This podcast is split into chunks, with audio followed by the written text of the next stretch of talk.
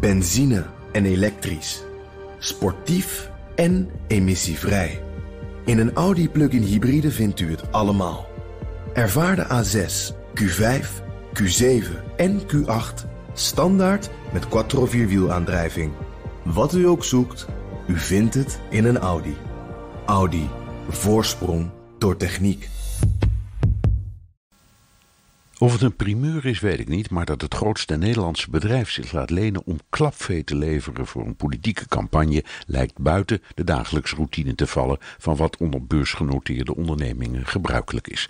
De politicus in kwestie heet Donald Trump. Het bedrijf dat 5000 stuks klapvee leverde heet Shell.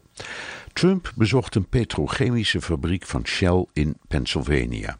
De 5000 aanwezige personeelsleden waren er vrijwillig, maar op een Orwelliaanse manier. Ze waren voor de keuze gesteld: scan om 7 uur s morgens je personeelskaart bij de poort of blijf weg, maar dan krijg je over die dag geen loon of neem een van je 10 betaalde vakantiedagen op. No scan, no pay, schreef een chef. De instructies luiden verder: roepen, schreeuwen, protesteren of welke vorm van verzet dan ook zal niet worden getolereerd, want Soliu, het klapvee moest klappen. Dit alles feilloos gesynchroniseerd met de bonden. Ik wil dat jullie vakbondsleiders zeggen dat ze Trump steunen, zei Trump. Als ze dat verdomme niet doen, stem ze dan weg, omdat ze hun werk niet doen. Het Shell klapvee klapte. De Washington Post kwam met een aardig perspectief. Na zijn verkiezingsoverwinning noemde Trump boze demonstranten door de media opgehitste protestprofessionals. Demonstranten tegen de benoeming van Brett Kavanaugh in het Hoge Rechtshof waren betaalde professionals.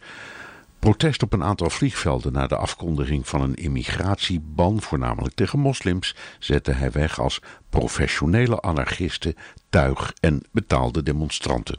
Hij heeft er kennelijk verstand van, het ronselen van klapvee. Natuurlijk vindt Shell dat het niets heeft misdreven. De fabriek in Pennsylvania nodigt regelmatig bekende mensen uit en dan wordt het personeel ook opgetrommeld. Maar de belangrijkste en hoogst controversiële politicus ter wereld ik zou wel eens willen weten hoe het voor deze beursgenoteerde onderneming zit met de fiduciaire verantwoordelijkheid als ze zo duidelijk aan politiek doen.